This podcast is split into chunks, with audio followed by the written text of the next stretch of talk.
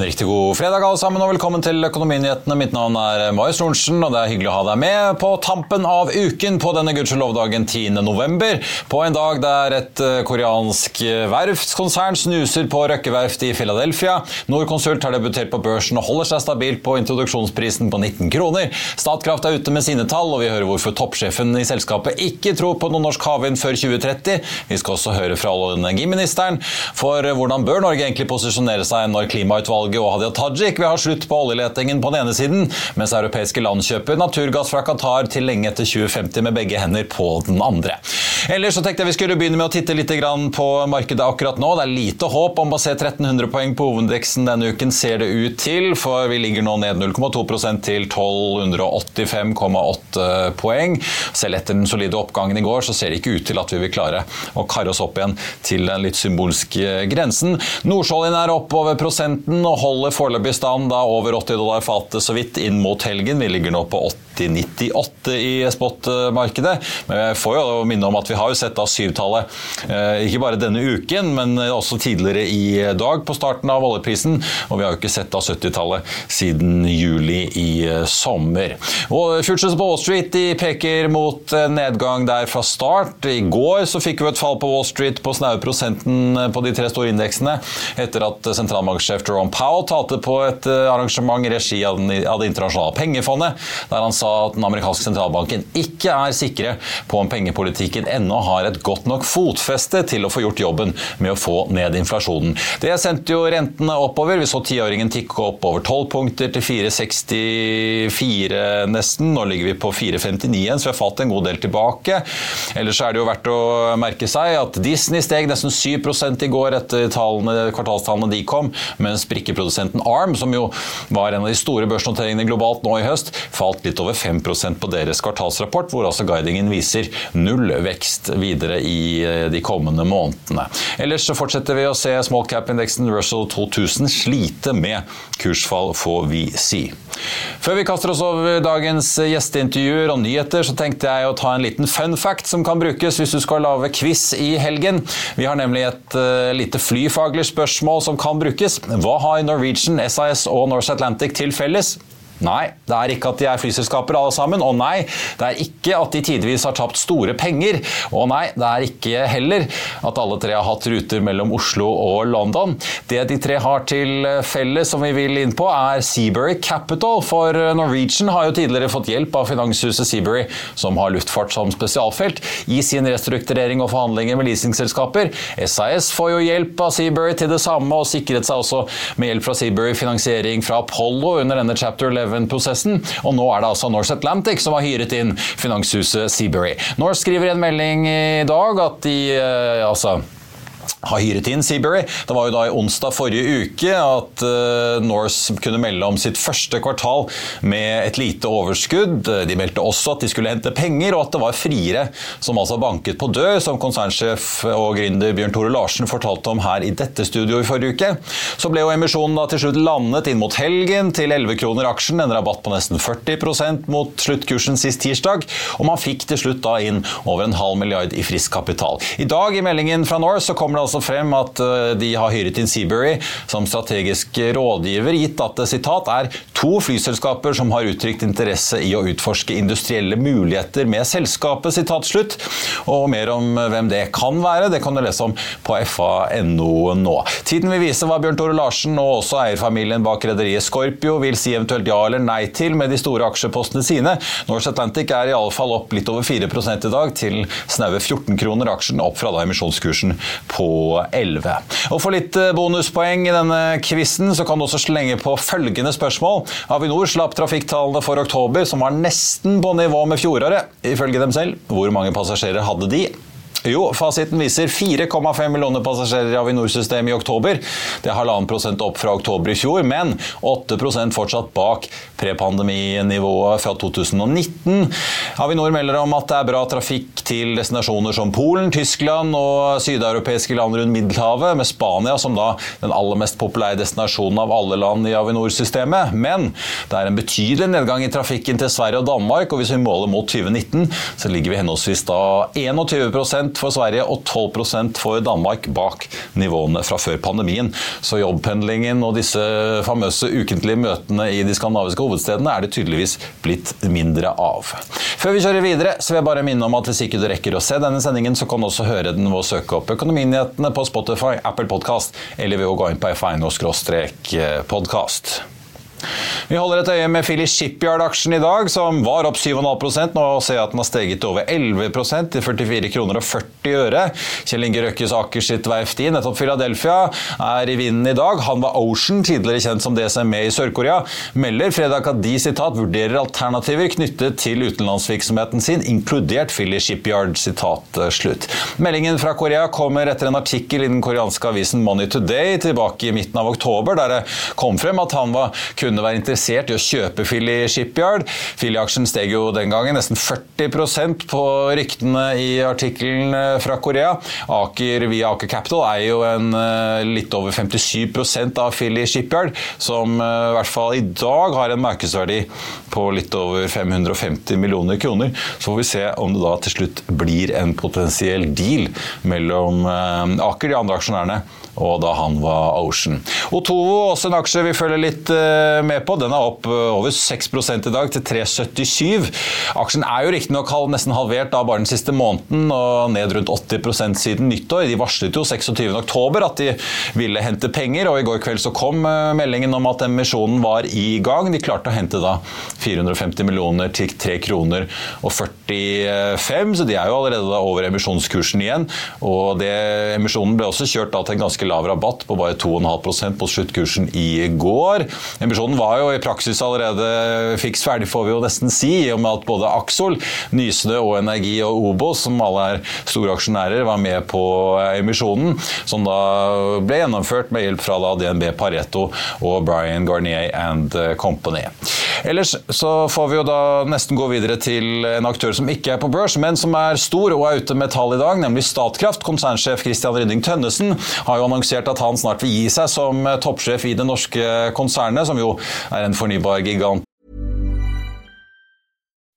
When you make decisions for your company, you look for the no-brainers. If you have a lot of mailing to do, stamps.com is the ultimate no-brainer. Use the stamps.com mobile app to mail everything you need to keep your business running with up to 89% off USPS and UPS. Make the same no-brainer decision as over 1 million other businesses with stamps.com. Use code PROGRAM for a special offer. That's stamps.com, code program. Eh, globalt. Han hadde ikke noen råd å komme med til etterfølgeren i dag, og vi vet heller ikke ennå hvem det skal bli. Men Rynning Tønnesen har ikke tenkt å gi seg ennå, og vi tok en prat med han litt tidligere i dag for å høre om hvordan det går i Statkraft, og hvordan det også går med de ambisiøse vekstplanene. Bare se her. Kristian eh, Rynning Tønnesen, konsernsjef i Statkraft. Nå er dere ute med ferske kvartalstall. Som vi jo har sett, strømprisene har jo kommet eh, ned og er ikke i nærheten av hva det var. Vi har jo sett litt på olje- og gasselskapene melder også om lavere olje- og gasspriser som har dempet deres eh, inntekter. Hvordan ser det ut for Statkraft? da? Jeg ser jo inntektene er litt ned på toppen.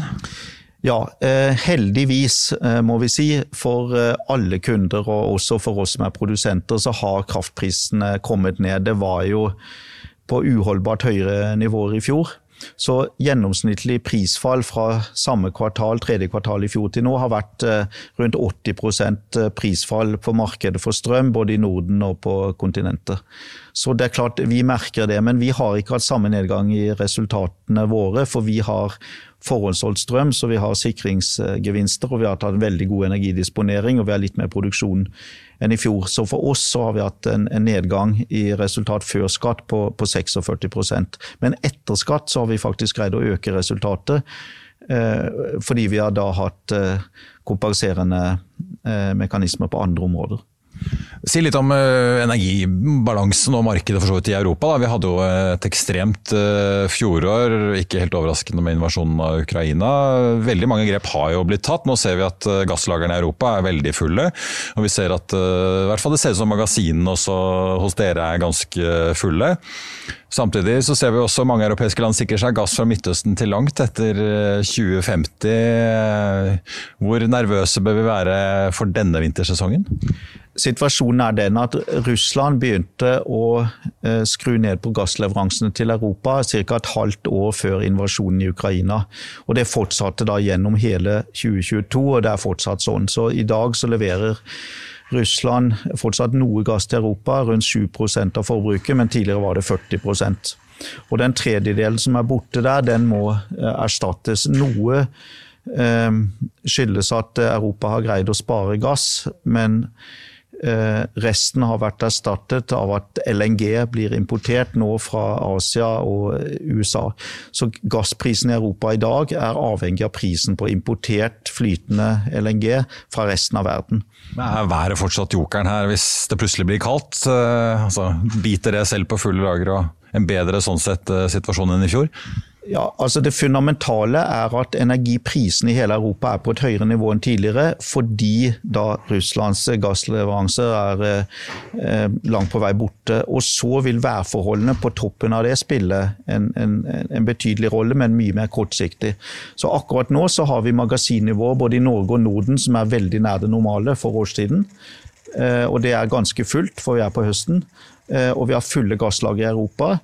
Eh, og vindforholdene vil, vil variere tilfeldig, det, det, det, er veldig kortsiktig. Så, så, vi er i en god situasjon både på vannmagasin og gass. Så hvis alt forløper med, uten en kjempekald vinter, eller uten at noe helt ekstremt skulle skje på forsyningssiden, så, så, vil vi ikke få noe energikrise denne vinteren. Men vi kan ikke slappe av. Det er små marginer, og skulle noe uventet skje, så, så, så kan prisene bevege seg eh, også denne, denne vinteren.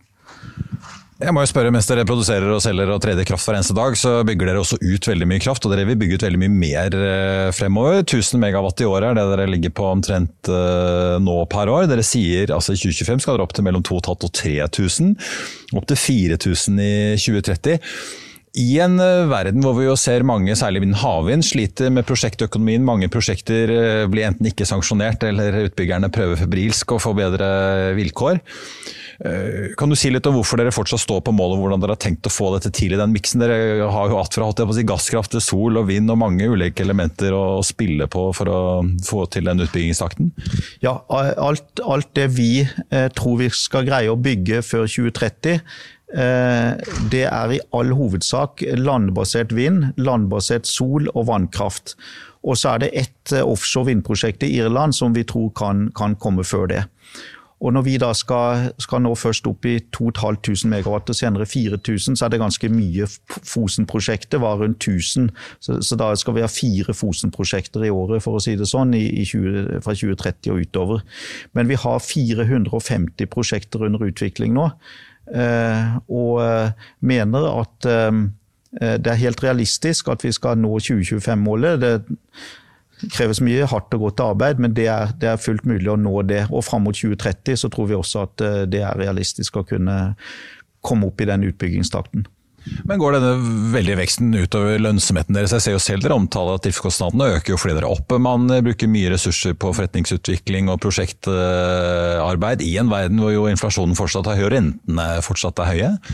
Ja, Vi skiller veldig på lønnsomhet i eksisterende drift, og der er kostnaden under eh full stabil eh, kontroll, og, og, øker ikke mer enn vanlig underliggende normal inflasjon. Men på på nye prosjekter så øker jo kostnadspådraget i takt med at vi girer opp hele organisasjonen for å bygge mer.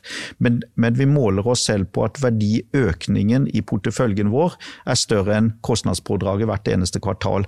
Så vi bygger veldig mye verdi, selv om det eh, reduserer det løpende kvartalsresultatet eh, for oss med disse utviklingskostnadene. Til slutt må jeg høre litt om eh, statusen for eh, de store norske prosjektene. Dere har nylig annonsert at dere skal eh, sammen med Aker bygge et grønt ammoniakkanlegg i Finnmark, som de jo har snakket om lenge. La oss ta det først. Hvorfor vil dere inn akkurat i den delen av verdikjeden? Hva, tror dere at, hva får dere til å tro at det er realistisk å realisere et sånt prosjekt? Ja, Det nylig annonserte prosjektet med Aker er da i nærheten av Narvik. Men, men eh, eh, vi tror eh, at det, begynner nå å bli et marked for fornybar ammoniakk. Altså det er ammoniakk produsert med fornybar strøm via hydrogen og, og til flytende ammoniakk. Der vil det være mulig å, å, få til et prosjekt i Nord-Norge fordi strømprisene er lave. og Det, det er hovedråstoffet i hele prosessen. Dette prosjektet er jo ennå ikke investeringsbesluttet, men det er under full utvikling. Og om det går eller ikke, vil, vil i stor grad være avhengig av om, får, om, om prosjektet greier å få nok salg til gode nok priser. Jeg merker meg at du øh, peker ikke på noen andre havvindprosjekter enn dette i Irland før 2030. I Norge er det jo to øh, auksjoner som skal i gang, øh, eller da Sørlig Nordsjø, og så har vi jo dette Utsira Nord som foreløpig er utsatt på ubestemt tid av departementet. Nå har jo flere aktører trukket seg. Konkurrenten deres Vattenfall er ute, Hydro sier de er ute. Dere samarbeider med BP, også Aker Horizons og Ocean Winds og Aker på Utsira. Vil disse to utbyggingene bli realisert, eller vil det måtte tas grep for å få, få de til i dagens eh, verdensbilde? Hele offshoreindustrien har sett en kostnadsøkning eh, på utstyr det siste året, eller halvannet året, og, og, og det ser selvfølgelig også vi. Men eh, vi er fast bestemt, sammen med Aker og BP, at vi skal kvalifisere oss for Sørlig Nordsjø og se på dette prosjektet. Men legger ikke skjul på at det er vanskelig å få Sørlig Nordsjø lønnsomt, fordi det ligger så langt til havs, 200 km, og bare er radialknyttet til Norge. Men vi skal gjøre det vi kan for å se om det er mulig. På lengre sikt så er det viktig i Norge at vi får bygd ut store felt, typisk 3000 megawatt, dobbelt så stort som SN2. Eh, og med da en kabel til Norge og en kabel til et annet land, og designet på en sånn måte at det kommer netto kraft til Norge ut av dette, så det kan bidra til å holde strømprisene lave her. Men et annet design som er vesentlig mer lønnsomt. På flytende havvind så Eh, er det jo også veldig spennende. Der kan Norge ta en ledende eh, posisjon på sikt. Og vi tror at flytende havvind kan bli like lav kost som bunnfast over tid. Men der må det flere teknologigenerasjoner med utbygging til. Og, og lengre nordover i Norge så vil jo prosjektene måtte knyttes direkte til Norge, og ikke ikke, ikke, til kontinentet, men, men, da kan vi jo legge de mye nærmere land enn det f.eks. Sørlig Nordsjø 2 er nå. Helt til slutt må jeg spørre om høypri, dette høyprisbidraget, denne ekstraskatten som kom på vannkraft, eh, og nå ifølge regjeringen skal fjernes igjen da, fra oktober i år, er det vel. Dere og andre i kraftbransjen satte jo bremsene på og ropte at nå blir det ikke noen oppgraderingsprosjekter som vi egentlig hadde tenkt å gjøre på vannkraften. Hva tenker dere om dette nå, da, når politikerne lover at jo, den skal bort, men likevel, dere har jo opplevd at det plutselig har kommet en ekstraskatt eh, som ikke var eh, varslet. Disse oppgraderingsprosjektene på eksisterende vannkraft vannkraft. Blir de da kjørt som normalt? Um Regjeringen har jo varslet i lengre tid at dette skulle bli avviklet, og nå er det da foreslått i statsbudsjettet og forventet vedtatt, og det er veldig bra. Eh, dette var jo en midlertidig skatt som, som nå er avviklet. Vi har ikke stoppet utviklingen av noen prosjekter, vi har hele tiden lagt til grunn at, at den ville bli avviklet.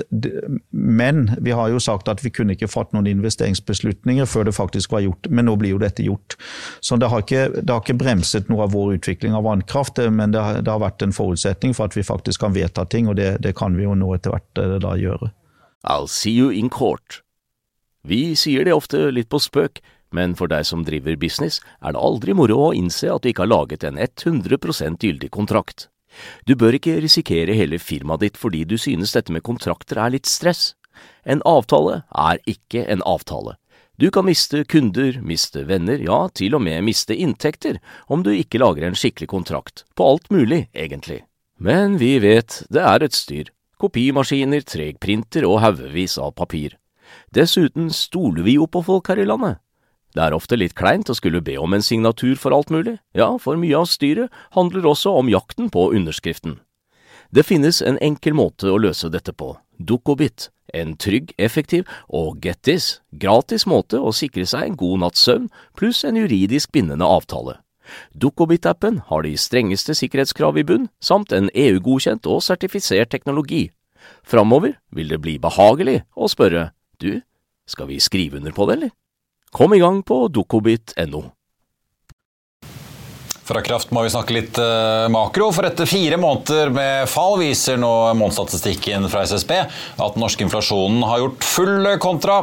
Vi har nemlig nå sett at uh, vi ikke bare fikk en økning fra de 3,3 til 3,5 prosentene i den årlige prisveksten i oktober som var ventet. Vi suste rett opp på fire blank, og det er jo da økte strømpriser og matpriser som bidrar mest til oppgangen, ifølge SSB. Vi har jo sett at strømprisene har vært lave og trukket ned i tidligere måneder i år. Kjerneinflasjonen var ventet å øke noe fra 5,6 til 5,7. Den endte på hele 6 blank, og i tillegg til mat så er det også flyreiser og møbler som får skylden eh, der.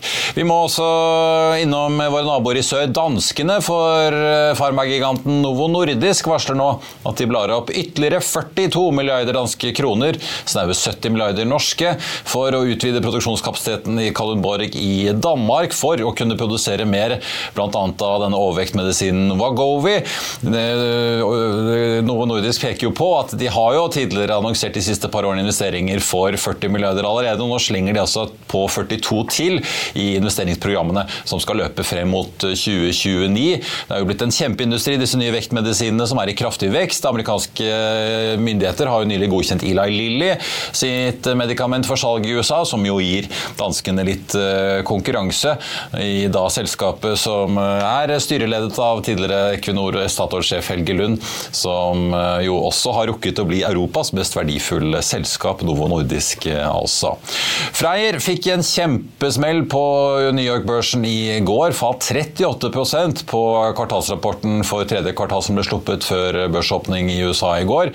Aksjen eh, var på en topp av 16 dollar i fjor høst, ligger nå nede på litt over 2 dollar stykket, og børsverdien er barbert ned til 289 i tillegg til å varsle kraftige kostnadskutt som skal få kontantbruken eh, halvert ned til rundt 150 millioner dollar i 2024 mot i år, så varsler de også at de tar ned investeringene i Giga Arctic, batteriprosjektet sitt i Mo i Rana til det minimale, og at ferdigstillelsen av dette eh, kundekvalifiseringsanlegget i Mo i Rana også er forsinket, og at de også girer litt om på prosjektet sitt av Giga America i Georgia i USA. Vi eh, skal ta inn neste personen i dag, holdt jeg på å si. Vi skal høre fra en som får en ny tittel fra 1.1, nemlig energiminister. Men han har ikke droppet olje fra tittelen helt ennå, og denne uken så snakket vi med statsråden som også besøkte Statnetts høstkonferanse her i går i Oslo sentrum. Bare hør her. Olje- og energiminister fortsatt olje- og energiminister Terje Lien også, i hvert fall frem til nyttår, før det bare blir energiminister. Nå har du vært her på høstkonferansen til eh, Statnett, men jeg vil høre litt om dette klimautvalget som dere nylig fikk overlevert, eh, som ble riktignok bestilt av den forrige regjeringen. Anbefaler en letestans på norsk sokkel frem til en sluttfasestrategi er eh, på plass. Hva slags signal sender dette til investorer på norsk sokkel? Ja, nå er det de politiske signalene en bør lytte til når det gjelder investeringer i tida framover. Vi er veldig tydelige. Vi ønsker å utvikle norsk sokkel, men samtidig kutte klimagassutslipp. Eh, og samtidig finne også og delta i eh, løsninger som gjør at vi kan dekarbonisere bruken av fossil energi. Så norsk sokkel skal være attraktiv. Den er viktig. Eh, vi ønsker å være en langsiktig leverandør av energi til det europeiske markedet. Det kommer til å endre seg med fokus på mer og mer dekarboniserte løsninger, og vi kan bidra og sørge for at gass som en viktig innsatsfaktor i tida framover uten at det er eh, utslipp ved bruket av eh, gassen. Det gjøres jo stadig eh, nye funn på norsk sokkel, både veldig nær infrastruktur som Gina Krog nylig, men også litt lenger unna. Dette utvalget vil jo stramme veldig inn på hva som skal tillates. Er de TFO-rundene, som jo vanligvis er ganske populære i næringen i Norge, som avholdes hvert år, i fare på noen som helst måte? Nei, Vi har åpna områder for aktivitet på norsk sokkel, hvor en kan lete eh, og hvor en finner ting, kan investere. Det er med på å utvikle norsk sokkel. Vi vet at aktiviteten på norsk sokkel eh, kommer til etter hvert å gå ned. Men de TFO-rundene som vi har etablert, er veldig viktige for at vi skal kunne opprettholde vår posisjon som en stabil og forutsigbar leverandør av gass til det europeiske markedet. Men samtidig så gir det også også et rom for å tenke langsiktig. Når vi skal delta f.eks. i diskusjonen med Tyskland og det partnerskapet vi har med tyskerne nå, om dette å utvikle f.eks. blått hydrogen, ja så er det jo i alles interesser at det er et langsiktig løp også, som ikke liksom avsluttes i løpet av for kort tid. Da er det langsiktighet eh, som ligger til grunn for det, og som er grunnlag også igjen for investeringer i, i den type teknologiutvikling. Men Er det mer strekk i laget i Arbeiderpartiet, nå som vi ser tidligere nestleder Hadia Tajik skrive i boken at hun godt kunne tenke seg en sluttfasestrategi, og at uh, dette med å stanse letting kanskje ikke er så dumt? Det er ingen uh, nyhet at det er diskusjoner om hvordan vi ser for oss utviklingen på norsk sokkel i Arbeiderpartiet. Det syns jeg er veldig bra. Det gjør jo oss trygge på også at når vi tar uh, beslutninger til slutt, uh, at dette står seg veldig godt. Og vi er veldig tydelige på at vi skal utvikle norsk sokkel, ikke avvikle den. At det er diskusjoner syns jeg er bra. Det har vi hatt bestandig i Arbeiderpartiet, og det syns jeg er bra. Det er et levende parti med et levende partidemokrati. Til slutt, eh, Store europeiske land sikrer seg nå gass fra Qatar via altså LNG-import til lenge etter 2050 gjennom avtaler Total Shell og Eni har inngått den siste tiden. Hvordan skal Norge forholde seg til det, vi som eksporterer masse rørgass inn til det samme markedet? Det betyr at vi må sørge for at vi er en attraktiv, stabil og forutsigbar leverandør av gass til Europa. Jeg hører ikke noen europeiske land uh, ikke uh, på en måte er opptatt av akkurat det fundamentet, fordi det er så viktig. Altså, alle er veldig tydelige på at Norges situasjon i forhold til energi, europeisk energiforsyning er av avgjørende betydning. Men betyr, det, men betyr det at Europa egentlig trenger mer gass enn de liker å innrømme i andre settinger? Ja, altså Med bortfall av russisk gass så trenger Europa mer eh, gass. og De har økt LNG-importkapasiteten sin. og Vi ser at veldig mange land også øker LNG-eksportkapasiteten sin. Nettopp for å komme både Europa og andre eh, i møte. Var akkurat i USA. De skal øke sin eh, LNG-eksportkapasitet med 30% fram til 2030. Eh, og Det gir oss en sterk påminnelse om at vi skal utvikle norsk sokkel, bidra til at vi kan finne dekarboniserte løsninger sånn at vi kan eh, bruke fossil energi uten å skade klimaet. Det må være den klare forutsetningen og målsetningen. og Der tror jeg det ligger også en veldig interessant business case for Norge. Eh, med at vi kan bringe teknologi til verdens. verden. Teknologi som verden trenger. करेंगे Før vi runder av her i dag, så tenkte jeg vi skulle oppsummere noen av de kvartalsrapportene, de mange kvartalsrapportene vi har fått i dag. For kvartalssesongen er på ingen eh, måte over, og mer skal det bli neste uke også. Norske Skog er ute med en melding i dag. Aksjen er ned 8,5 etter at de da annonserte overskridelser på dette store konverteringsprosjektet de har på det franske anlegget i Goldberg. Kostnaden har økt fra 265 til 300 millioner euro, og oppstart for produksjonen forskyves også til andre halvår for eh, neste år. Doff Group er en helt annen historie. Der har aksjen vært opp veldig mye i dag. Fortsatt opp, da, men ikke mer enn 3,3% Den har falt litt tilbake. Toppsjef Mons Aase snakker jo om eh, at de ser veldig store vekstmuligheter i bl.a. Brasil. Doff har jekket opp guidingen sin i dag, og det med markedsanalytiker Alexander Erstad karakteriserer i en oppdatering rapporten fra Doff som veldig solid. De har jo da Doff eh, økt guidingen på bruttodisresultat i år da, med omtrent omtrent en eh, par hundre millioner, 100 par hundre millioner opp til rundt 4,8 milliarder eh, kroner. Ellers så kan vi også nevne AF-gruppen, som sliter i dag, de også på linje med Norske Skog. Den er også ned eh, rundt 8 i dag.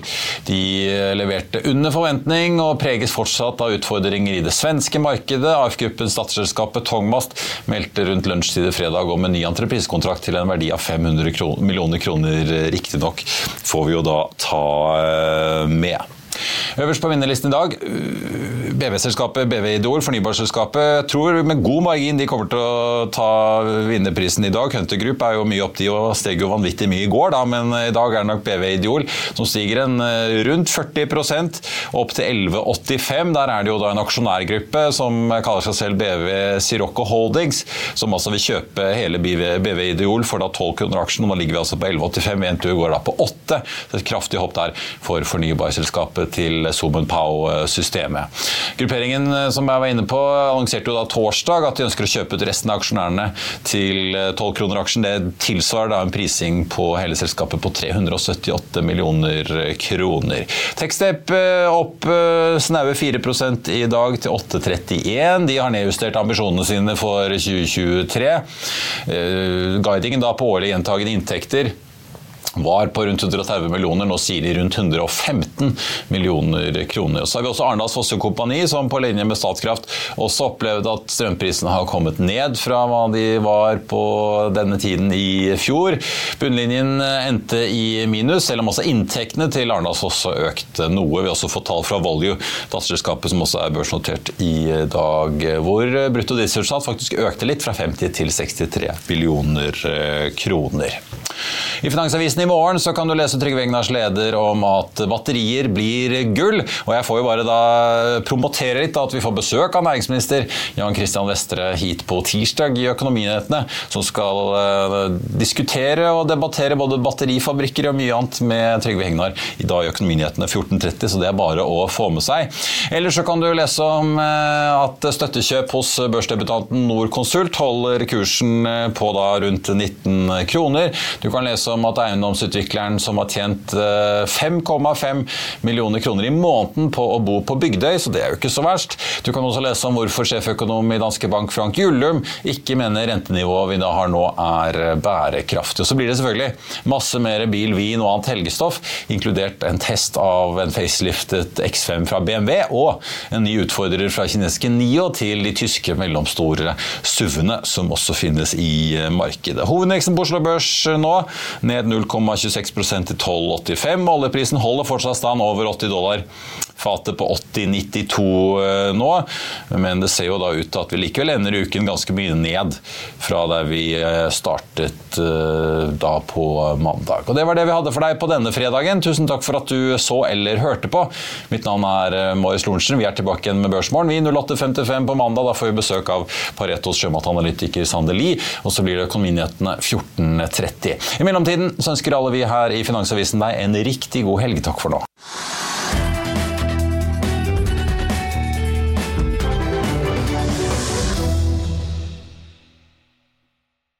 Økonominyhetene er en podkast fra Finansavisen. Programledere er Marius Lorentzen, Stein Ove Haugen og Benedikte Storm Bamvik. Produsenter er Lars Brenden Skram og Bashar Johar. Og ansvarlig redaktør er Trygve Hegnar.